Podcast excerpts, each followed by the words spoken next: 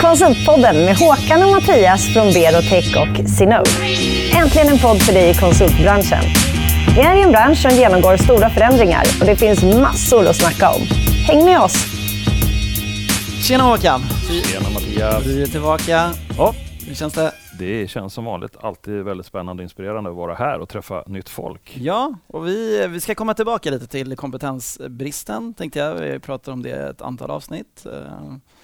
Unicus, Anders Barnå. Ja, ja han bra. berättade så fint om det där vägen vi går på som är så smal och många står och tittar på och inte får vara med. Uh, ja, idag kommer vi få lära oss något nytt tror jag. Ja, idag tänkte vi prata lite mer om, om åldersfrågor och, och kanske en grupp som är lite kommit li lite vid sidan av på vägen. Ja, på, på gott och ja, Vem är det som är här då? Ja. Håll inte på det längre nu, nu får du berätta. Idag har vi en, en riktig specialist inom åldersfrågor, John Mellqvist, eh, PR-konsult på Minders Makers PR.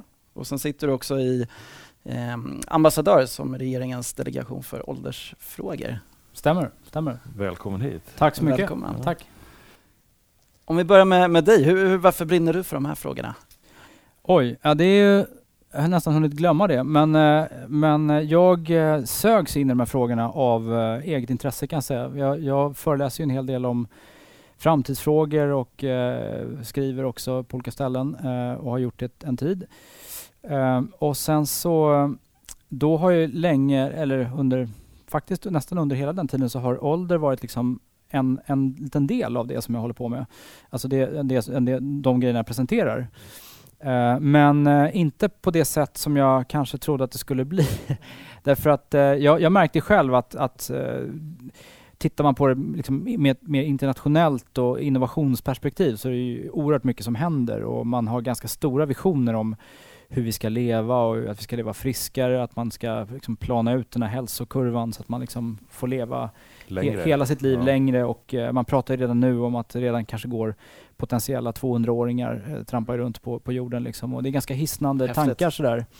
Eh, och eh, eh, det i kombination då med, med att jag själv, eh, ja, jag är själv 46 år, jag har liksom börjat fundera lite grann kring de här banorna. Hur, ja, men liksom lite grann hur man utvecklas med tid och så vidare. Och, eh, jag har en hel del erfarenheter från min egen familj där jag växte upp med en, eh, framförallt en pappa som var ganska mycket äldre än vad, vad vi var. Som, som, han hade två kullar barn då, men jag och min lillebrorsa som var, eh, kom i andra kullen, han fick oss efter 50. Eh, och eh, då var det mer ett utropstecken än vad det är än vad det är idag, så att säga. Eh, lite det, beroende på det som jag pratar om ganska mycket, att vi har blivit mycket piggare och friskare och vitalare längre upp och lever annorlunda liv längre upp i åldrarna idag än vad man gjorde då. Eh, och det är ganska fascinerande tycker jag i sig. Men, men eh, det gjorde att, att um, i vuxen ålder började reflektera lite grann kring det här. Liksom hur, ja, liksom hur, hur var det då att växa upp med, alltså när min pappa var, jag hade en kompis vars föräldrar var lika gamla som mina halvsyskon var till exempel.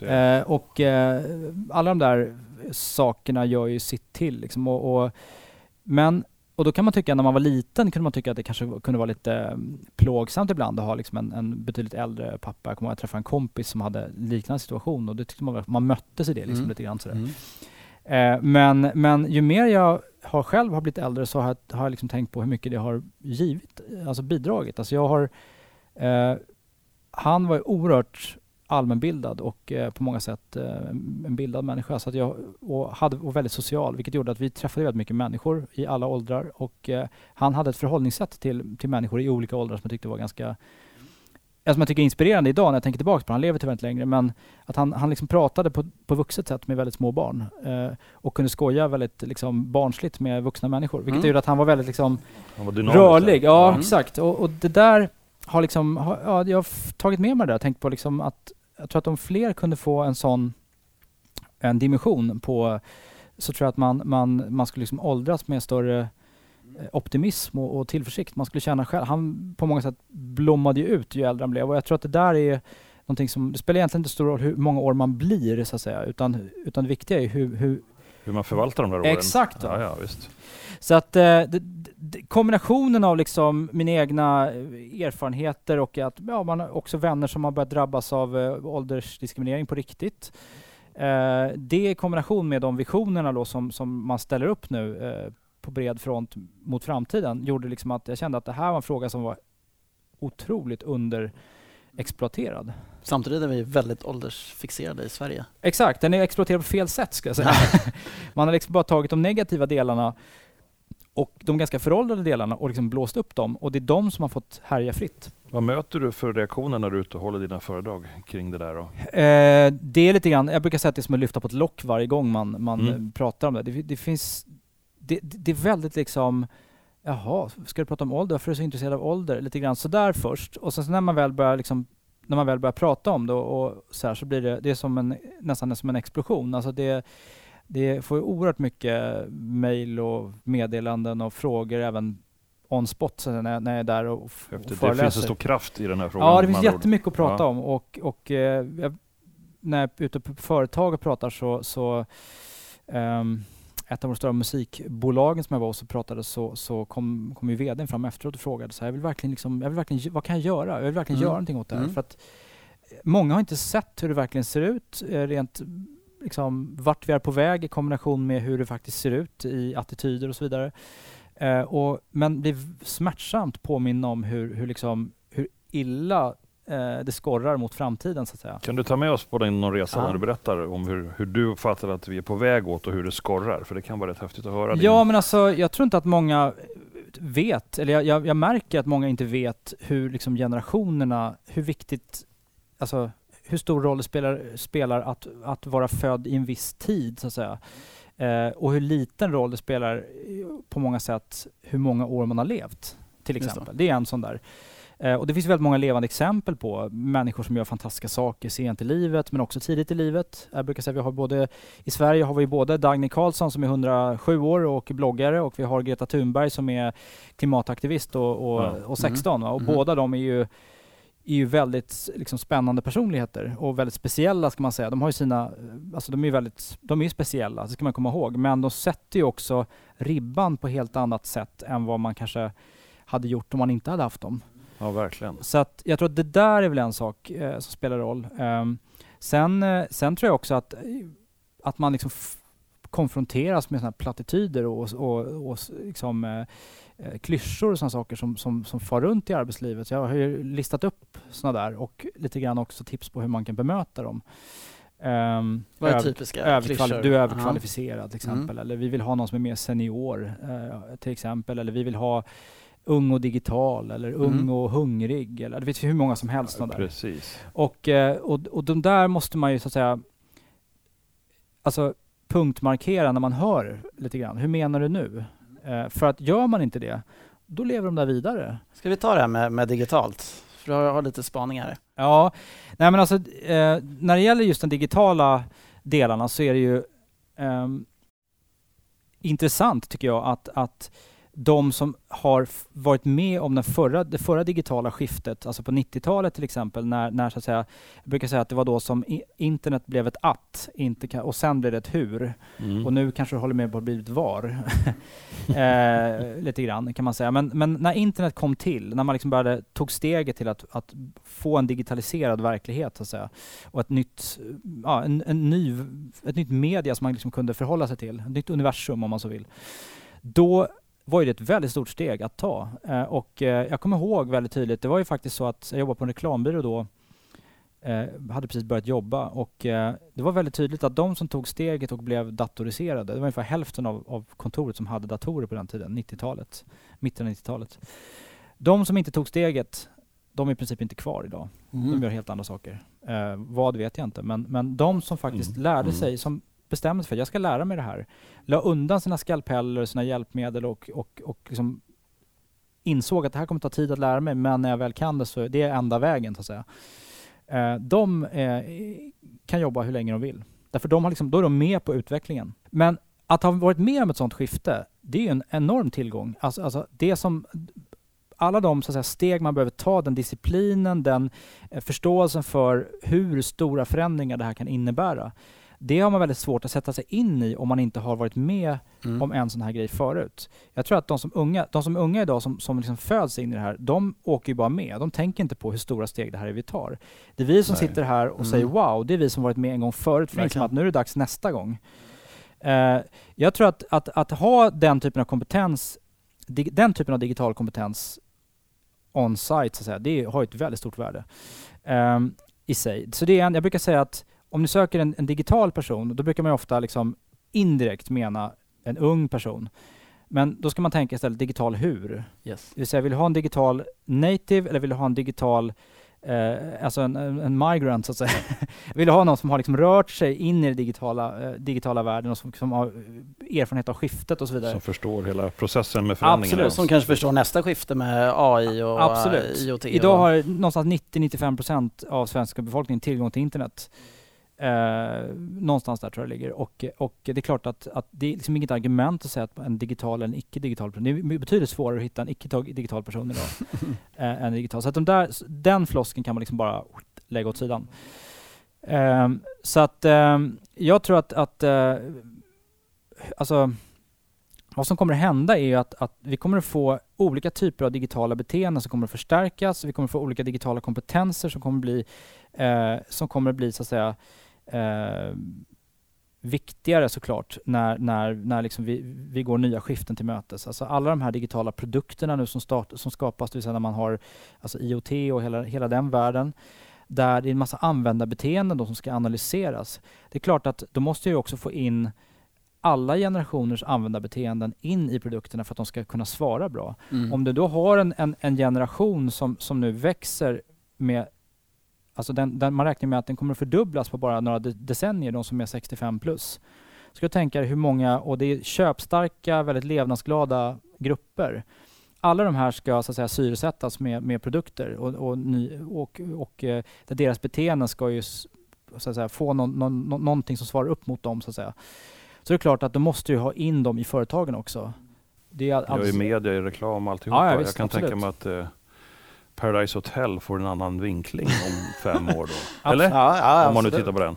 Men jag tänkte, den andra delen här med arbetsrättsliga grejer, jag tänker på det är en massa utmaningar i Sverige. Vad, mm. vad ser du som de bästa, eller de hindren vi har idag tror jag, för att liksom ta hand om alla duktiga människor som då råkar vara lite äldre? Ja. De, vad ser du där för hinder idag? Uh, nej men det är ju väldigt mycket att, att det har saknats uh, väsentliga argument för att uh, liksom, som, som, som, kan nyansera rekryteringarna. Utan det är ju som sagt, de flesta vill ju ha en 30-åring som har liksom en, en 50-årings erfarenhet. Men varför har det blivit så i Sverige just? För att vi, ja. om vi tittar på USA, de är väldigt mycket mer, ser äldre personer, deras erfarenhet och ja. kompetens gör som en, en stor nytta. De är ju mycket mer en, liksom ett individualiserat folk än vad, vi, mm. än vad Sverige är till att börja med. Vi är ju ett, ett väldigt grupporienterat folk eh, på många sätt. Vi, vi, vi, vi, vi, vi gillar organisationer, vi gillar att man liksom är Eh, på något sätt eh, sammanslutna. Och det har ju sina fördelar. Eh, men det är, också, det är också så att till exempel menar, arbetsrätten, vi är, organiserade, vi är mm. fackligt mm. organiserade mm. i ganska hög grad och så vidare på olika sätt. Och eh, arbetsrätten är stark i Sverige. Det gör ju att vi har minskad, eh, ganska dålig rörlighet på arbetsmarknaden. Det vill säga om USA har det kan man ju tycka låter hemskt, men de har ju hire and fire pratar man ju om. Liksom att, att det, det, är väldigt snabbt ut men också snabbt in. Det är samma sak i Danmark. Du har ju liksom Flexicurity. mycket Flexicurity, precis. -huh. Och där har ju, det här är ju faktiskt danska motsvarigheten till LO. De har ju varit ute och sagt att det här är liksom, de har ju lovordat det där. Ja. Så det är ju, det är ju, det är ganska inte, det, det finns inte en, alltså politiskt så är det ju eh, så tror jag att man, man är eh, ganska nära att liksom börja titta på de här modellerna. Insikterna har kommit. Här. Ja. Det, det, det, mm. det, jag tror att man kommer att tvingas att hitta någon, någon, lösning som fortfarande är, den ska ju vara trygg på ett sätt, men å ena sidan så, så, så är trygghet inte vad den har varit riktigt. Man säger trygghet historiskt har ju varit liksom att, att ha en, liksom en, en fast anställning med väldigt liksom, eh, ska man säga, omgärdad av, av en massa trygghetsvillkor. Men jag skulle säga att trygghet som, som arbetsmarknaden förändras så kommer trygghet framöver handla mer om att man kan lätt röra sig i olika riktningar och att man faktiskt kan hitta fast mark på olika ställen när man rör sig. För Snabbt och kompetensutveckling. Ja, därför att sitter du på samma ställe så blir du snart otrygg därför att verkligheten springer lätt ifrån dig och du kanske inte själv ens ser vad du behöver lära dig Nej, eller vad du behöver eh, röra dig för att, för att liksom, eh, eh, förstå. Det kan ju upplevas stressande men jag tror att det är också lätt att se hastigheten när man står själv står mm. stilla och reflekterar kring mm. det. Men jag tror att när man rör sig, när man jobbar, så tror jag att man kommer att få en situation där arbetsmarknaden kommer forma sig själv på många sätt eh, och sen kommer man bli tvungen att skapa nya trygghetssystem. Eh, ja, men det är ju Spännande. konsultrollen runt om den är ju optimal egentligen. Ja, så att, ja, jo exakt. Jag tror att eh, det kommer också behövas nya eh, former av arbete. Det vill säga att man kommer behöva jobba, man kommer behöva skapa helt enkelt nya eh, företagarformer så att säga. För att alla är ju inte företagare Nej. i sig själva utan de kanske är mer en funktion eller trivs med att jobba som en funktion och inte vill fokusera så mycket på liksom egenföretagande och nej, nej. Nej, entreprenörskap och så vidare. Vilket kan ju... Jag tänkte på det där med hur, hur ska vi kunna ändra beteendena på oss då som är, blir äldre för att förstå det här, att kanske inte stanna kvar och känna att det går fortare utanför rummet än ja. vad jag själv förstår. Man kan inte bara hoppas att det är någon annans ansvar, att det får, det får, det får stat och kommun fixa eller företagarna. Hur, hur, hur ska man kunna skapa medvetenhet utan att stressa ihjäl folk för det?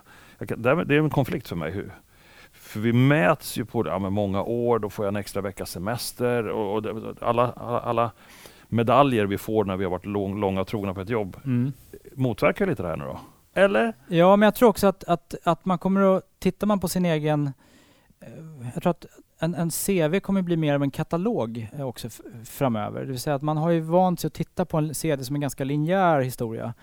Men jag tror, jag tror mer överhuvudtaget på att arbets, ens arbetsliv, jag brukar rita upp ett träd och tänka att det är mycket mer, istället för en kurva så brukar jag tänka det som ett, som ett träd istället, där du har dina rötter som är din bakgrund, din utbildning, din, uh, dina uppväxtförhållanden, din, vad du vill. Och sen har du stammen där du liksom, med tiden så får du kraftigare, allt kraftigare och några huvudfåror som bildar en stam där du har liksom hela tiden har med dig det som har, du har från rötterna rötter så att säga upp i stammen. Eh, och sen förgrenar den sig i lite olika riktningar. Som, de här olika riktningarna kan ju bero på lite grann hur det blåser så att säga där mm. ute. Mm. Eh, men men, men eh, poängen är lite grann att du ska kunna röra dig mellan olika grenar och där då frukten blir så att säga giggen eller projekten eller, mm. eller eh, vad du vill kalla det för. Men att det intressanta är, jag brukar ha en föreläsare så har jag en bild på ett, ett 1700-årigt gammalt, alltså 1700 år gammalt olivträd som fortfarande liksom ger frukt. Va? Det, det, och det är enormt stabilt och tjockt. Jättebra metafor. Och många grenar ja, Och många och, grenar ja, och, och eh, fortfarande ger fantastiska oliver varje år. Liksom. Och, och, det är just det där perspektivet som är just att även om du har levat länge så, så kan du fortsätta att bidra så att säga. Du kan fortfarande göra nytta. Du kanske inte gör nytta på samma sätt som du gjorde tidigare. Du ska inte jämföra det heller med om du är en tennistränare till exempel som är 70 plus så kan du inte jämföra det med en spelande atlet så att säga. Det är inte där som din, din styrka är. Den poängen är att du har sett så oerhört mycket tennis så att du kan se och läsa spelet och se, analysera vad eh, en, en, spelare gör bra eller mindre bra i en situation och du har liksom en sekundförståelse för vad som är viktigt och du ser precis när någonting händer och så vidare. Det, det, så att det gäller ju att sätta sig själv i en situation där man liksom är eh, man har, den kunskap man har är ju liksom attraktiv och, och att man inte behöver rätt, be om ursäkt för saker som man lärt sig. Ja. För så har man ju, där har vi hamnat lite grann nu att, ja, det, det att vi, eh, när man, har, när man har, har haft si och så lång erfarenhet så börjar den liksom bli en belastning. Att du, du ska ju börja liksom, för att CV ska se bra ut så behöver du liksom behöva eh, komprimera eller skala bort eller ta bort saker. Och det är ju egentligen ganska eh, sorgligt att, att vi har hamnat där. Att, att liksom eh, livserfarenheten inte blir en tillgång vid en viss tidpunkt. Eh, eller värderas som en tillgång, för ja, den är ju en tillgång. Men poängen är ju lite grann att det är så att säga imagen av det som behöver stärkas. Vi måste lära oss att se att, att eh, eh, om, du, om du lärde dig en teknik som, som inte ens finns idag, där och då, så är det inte själva tekniken som är poängen, utan det är ju att du lär dig någonting nytt och att en förståelse för utvecklingen därefter. Jag har märkt en annan grej. På vårt jobb så har vi ibland haft utmaningar när vi ska lyckas hitta bra uppdrag till några av våra konsulter som kanske har en ålder mm. som är lite högre och som också har haft roller som är väldigt avancerade. Mm. Med, med, tidens tand har de fått VD-poster. Eh, står det VD på CVt så skrämmer det mer. Ja, det jag tror det är, det är den frågan du ställer nu. Vad är det som gör att oj, den här är för överkvalificerad. Vi kan inte mata den med rätt uppgifter. De kommer nog tröttna. Man har massa sådana här bias i sig själv. Mm. Så jag känner igen den där ja, utmaningen. Exakt, och, och, det där är också en sån här grej att man, man tror ju man tror ju då att, att, när man har jobbat och haft väldigt liksom, eh, mycket personalansvar kanske och mm. gjort stora mm. grejer, att man inte skulle vara intresserad av att skala ner och kanske fokusera på en viss uppgift eller att, att återigen bli en funktion istället för att bli en, en, en ledare eller vad du vill. Um, jag brukar ta det här perspektivet med, för det, jag vill bara avsluta det att, att poängen är ju att visa, undersökningen visar också att det är väldigt många äldre som faktiskt just vill det. De, de är jätteintresserade av att gå in och, och, och kunna så att säga, stötta på ett helt annat plan. De kanske är mer intresserade av ja, men du vet, kunna på ett mellanmänskligt plan kunna, kunna vara en, en, ett moraliskt stöd och släppa, alltså hjälpa till exempel um, unga ledarförmågor så att säga att, att liksom växa. Det är oerhört tillfredsställande, framförallt om du har lång erfarenhet. Ja, det är som tennistränare igen. Lite grann. Absolut. Ja, och, och, och, så det där är också en sån där, en sån där myt tror jag när man, som man lätt hamnar i. När man, man, man utgår ifrån att man vill bli chef. Mm. Man utgår ifrån, och man glömmer helt bort rådgivarperspektivet. Ja. Att vara rådgivare är minst lika attraktivt. Eh, jag skulle säga jag träffade EU-ministern här för inte så länge sedan, eh, Hans mm. Dahlgren. Han har ju varit rådgivare åt alltså flera statsministrar då, sedan 70-talet, inklusive Olof Palme då, fram till nu när han vid 71 års ålder fick frågan om han vill bli minister. Det vill säga, då gick han från, en, om man ska hårdra det, så går man ju då från en, en rådgivarroll till en, till en mycket mer en beslutsfattarroll, en mer ja. offentlig roll så att säga, eh, senare i livet. Eh, och det kan, precis, det kan precis lika gärna vara tvärtom. Vill säga, du kan ha varit en person som varit, du kanske kom fram som superbegåvad ledare och kanske var, när du var 25 eh, och har samlat på dig massor med erfarenhet. Men du har också, när du då kanske är, säg när du är 70, så, har, så kanske du känner att jag vill inte längre jag vill inte längre vara chef. Det behövs helt andra typer av kvaliteter idag för att kanske leda den här organisationen. Men däremot så kan man ju vara eh, en fantastisk rådgivare. Alltså jag brukar säga att det, det, det också att, att det som är fantastiskt med en, en, chef, han eller hon kommer ju att bedömas utifrån de beslut hen tar så att säga och vad det får för konsekvenser. Mm. Men som en rådgivare så kan du, ha, du kan vara totalt misslyckad hela livet men du kan vara en fantastisk rådgivare ändå. Så mm. det, är en ganska, det är en mycket mer tacksam roll egentligen. Ja, Vad finns det för mer fördelar för eh, oss arbetsgivare som, som borde anställa fler med lång erfarenhet? Oj, ja det finns ju, det finns ju mycket att, att ta på där. Men jag skulle säga att, att vad man lätt glömmer bort också, det är ju lite grann vilken typ av företag vill man bygga? Alltså mm. vill man bygga en hållbar organisation? Det är en ganska bra så här, liksom, börja, brytarfråga att, att börja med. Mm. Av eller på liksom. Eh, och eh, de flesta svarar ja på den frågan såklart. Men så tänker de inte, kanske inte riktigt på hur. Eh, och när det gäller just människor så är det så att eh, vi tenderar ju också att följa varandra ganska mycket i, i generationer. Det vill säga att om, om tillräckligt många börjar sluta eller börja i, i som är så att säga ur en viss generation så tenderar det att bli mer av samma. Eh, det kan göra att, men det, den yttersta konsekvensen av det är ju också när, när vi pensionsavgångar och sådär, att man liksom väldigt många människor slutar på samtidigt. Det är ju aldrig bra för en organisation. Nej. Det är ju en sån där faktor om man är ett större företag till exempel. Eh, att, att många går ut genom dörren samtidigt och så ska man då fylla på med, med liksom nya människor som inte alls har samma känsla för företaget och kanske inte varit med i företaget lika länge. Svårt att bli en kulturbärare då så att säga. Kan det kännas lite för sent då? Mm. Exakt. Och det är också så att, att med det rörliga arbetsliv vi, vi, vi, nu får så är det så att kulturfrågor och, och värderingsfrågor blir allt viktigare. Det är snart det enda som håller ihop företagen. Eh, när, när så att säga, allting annat blir väldigt mycket lösare i kanterna så är det ju det som får människor att, att vilja jobba för samma sak att vilja liksom se en gemensam horisont och vilja ta sikte på den och jobba ditåt. Eh, och inte framförallt eh, att man inte sviker sina med, medarbetare så att säga, genom att sluta. Eh, då har man ju liksom redan satt sig själv i lite större kontext så att säga, än att bara mm. jobba för sig själv.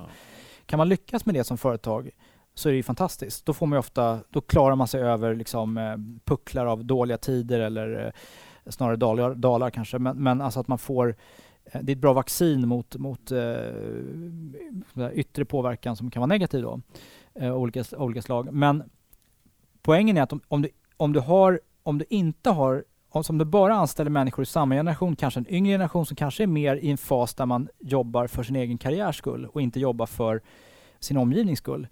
Då är det klart som, som korvspad att, att, att eh, de människorna är ju inte alls lika eh, benägna att stanna kvar om det skulle bli dåligt där. För de är i en, och det har inte med att de är dåliga människor att göra. Det har att göra att de är i en fas i livet där man jobbar för sin, att skapa, kanske bygga upp en familjeförsörjning, eh, att få en, liksom en naturlig Ja, men det är mer fokus på det. Ja, det, och det är, det är faktiskt självklart att man har blicken antingen mot sig själv och sen rakt framåt. Man tittar inte så mycket åt sidan och det visar ju också studier som som bland annat som, som jag själv har, har eh, tagit fram eh, tillsammans med ett undersökningsföretag. Då, just att frågar man chefer så säger de just att äldre människor, de, eller äldre, sina, äldre liksom kollegor så att säga, eller, eller medarbetare, de är mer brydda om i snitt då, om, om människor runt omkring. Det är, en, det är liksom en fördel hos dem.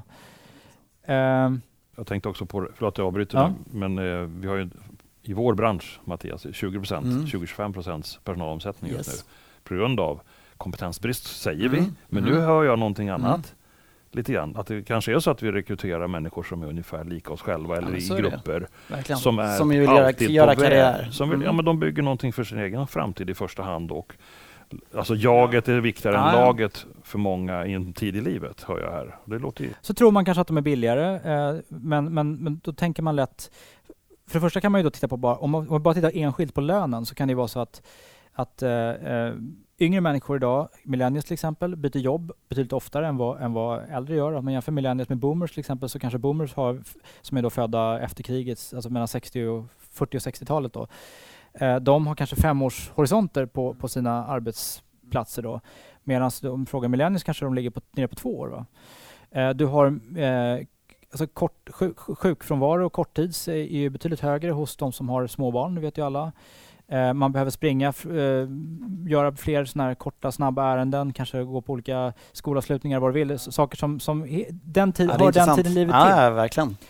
Eh, medan då om du har eh, äldre så har, har kanske en annan eh, man brukar också säga att de har liksom hög arbetsmoral, de har lite do or die-inställning. Hitta till sig jobba, själv och jobba hårt. Vet, och, vad de vill.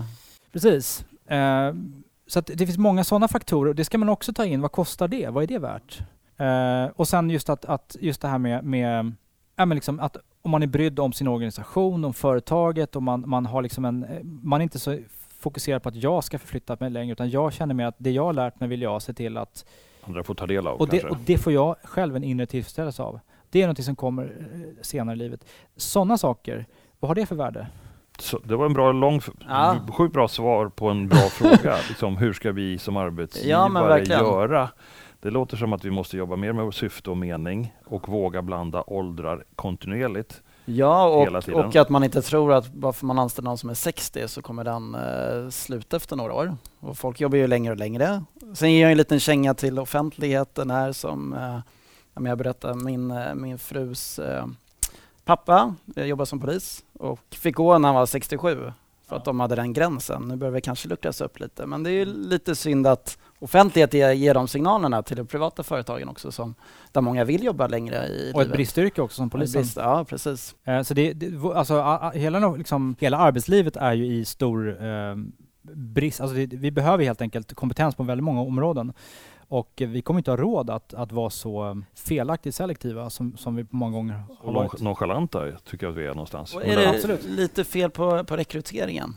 Hur sker rekryteringen i företag? Och är, det, är det fel? Är det för unga personer som rekryterar? Ja, jag tror att vi måste ha en bredare bas också på just när det gäller de som rekryterar och att de själva känner att de har liksom mandat att fatta eh, åldersmedvetna beslut.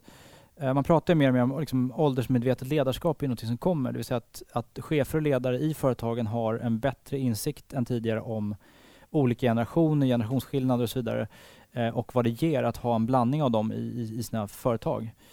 Eh, också givetvis eh, kunskaper om liksom, faser i livet när man gör vissa saker, och mer eller mindre och så vidare. Ja, men vi kan absolut bli bättre på rekrytering. Jag tänkte ja. på det här med expertrollen. Alltså jag, vi på vår lilla firma försöker liksom återta begreppet konsult. För någonstans mm. för mig stod det för, i alla fall förr i tiden, jag är en expert som kom in och var rådgivare. Mm. Uh, jag tänker att det låter som att vi behöver förstå det äldre gängets eh, enorma potential och den här det vi ser på CV och allt de bär med sig, att dela med sig av det mera som expert eller rådgivare, det är något vi måste kämpa för. Jag, jag blir bara inspirerad, jag har inga jättebra lösningar så här och nu, men det, men berätt, berätta, du hade en liten äldre konsult som eh, gick in i digitaliseringsprojektet där konsultköparna var lite avvaktande till att börja med. Ja, jo, men så är det ju att eh, man är tveksam till Eh, som jag försökte säga förut, att ja, men vi vet inte om vi kan föda den här personen med ett bra uppdrag. Mm. Han, han, eller hon kommer kräva så mycket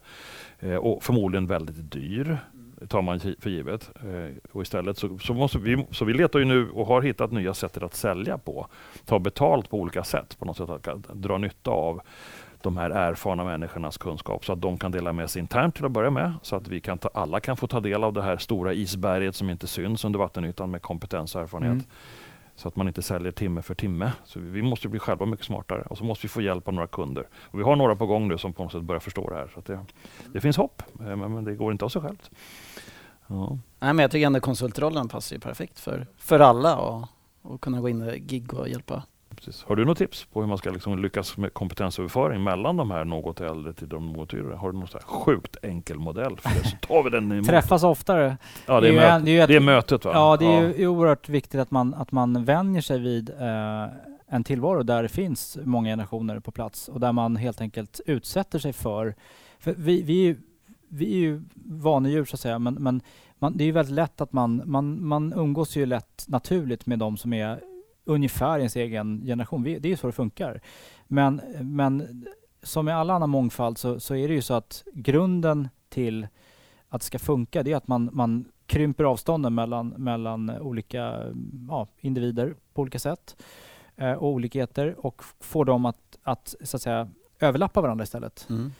Eh, och eh, genom att man medvetet då fattar beslut som har att göra med rekrytering, redan där har man gjort ett val som gör att man kommer att krympa avstånden, man kommer att få se till att, att man får en, en mix där. Och, det, och, och den, den erfarenheten i sig skapar ju också eh, ny kunskap och att man liksom är beredd att hitta, hitta nya eh, liknande så att säga, tillfällen att mötas framöver. Så att, man, så att man, man kanske ger rådet att till, näst, till ett annat företag eller när man själv är på ett annat företag. Vi, vi hade en bra åldersmix och det hade jag bra erfarenheter av. Eh, låt oss prova det här. Så att man liksom kommer vidare. Härligt. Underbar. Härligt, underbart. En, tim, en halvtimme rusar snabbt ja, iväg. Ta tillvara på all kompetens. Ja, men min summering är liksom, skapa en miljö där möten mellan unga och gamla skapas på ett naturligt sätt tror jag. Och att verkligen blanda eh, åldrar i alla roller hela tiden kontinuerligt. Ehm, då kan det finnas hopp om att vi kan lära av varandra och på något sätt få ett flöde. Kanske utmana våra fördomar. Jag tror det, precis. Alright Jan, innan vi slutar, har du några tips på framtida gäster i Konsultpodden? Det har jag. Eh, jag tycker att ni skulle göra en intervju med en spännande person som heter Jenny Burman som har eh, startat ett initiativ kring civilkurage. Um, så henne tycker jag ni ska bjuda in. Det låter sjukt Det låter väldigt spännande. Ja, det ja. behövs det mer av tycker ja, jag. Men verkligen. Ja, men stort tack! Stort tack för det och jättehärligt att ha med dig här idag. Eh, och som avslutning innan sommarlovet så kommer vi köra en livesändning. Ja, 18 juni så kör vi faktiskt en livepodd med ja. lite gamla gäster och man får gärna komma dit och, och vara med och lyssna. Så att, eh, det ja. kommer säkert något på, på LinkedIn också. Härligt. Stort Bra. tack John för att Tack så mycket för att du kom hit. Ja, stort tack. Vi hörs. Idag är vi på Septemberfilm och spelar in Konsultpodden nummer 15 med Håkan Mild Svensson och Mattias Loxi. Dagens gäst heter John Mellqvist och han är PR-konsult och framtidsspanare på Mindmakers PR.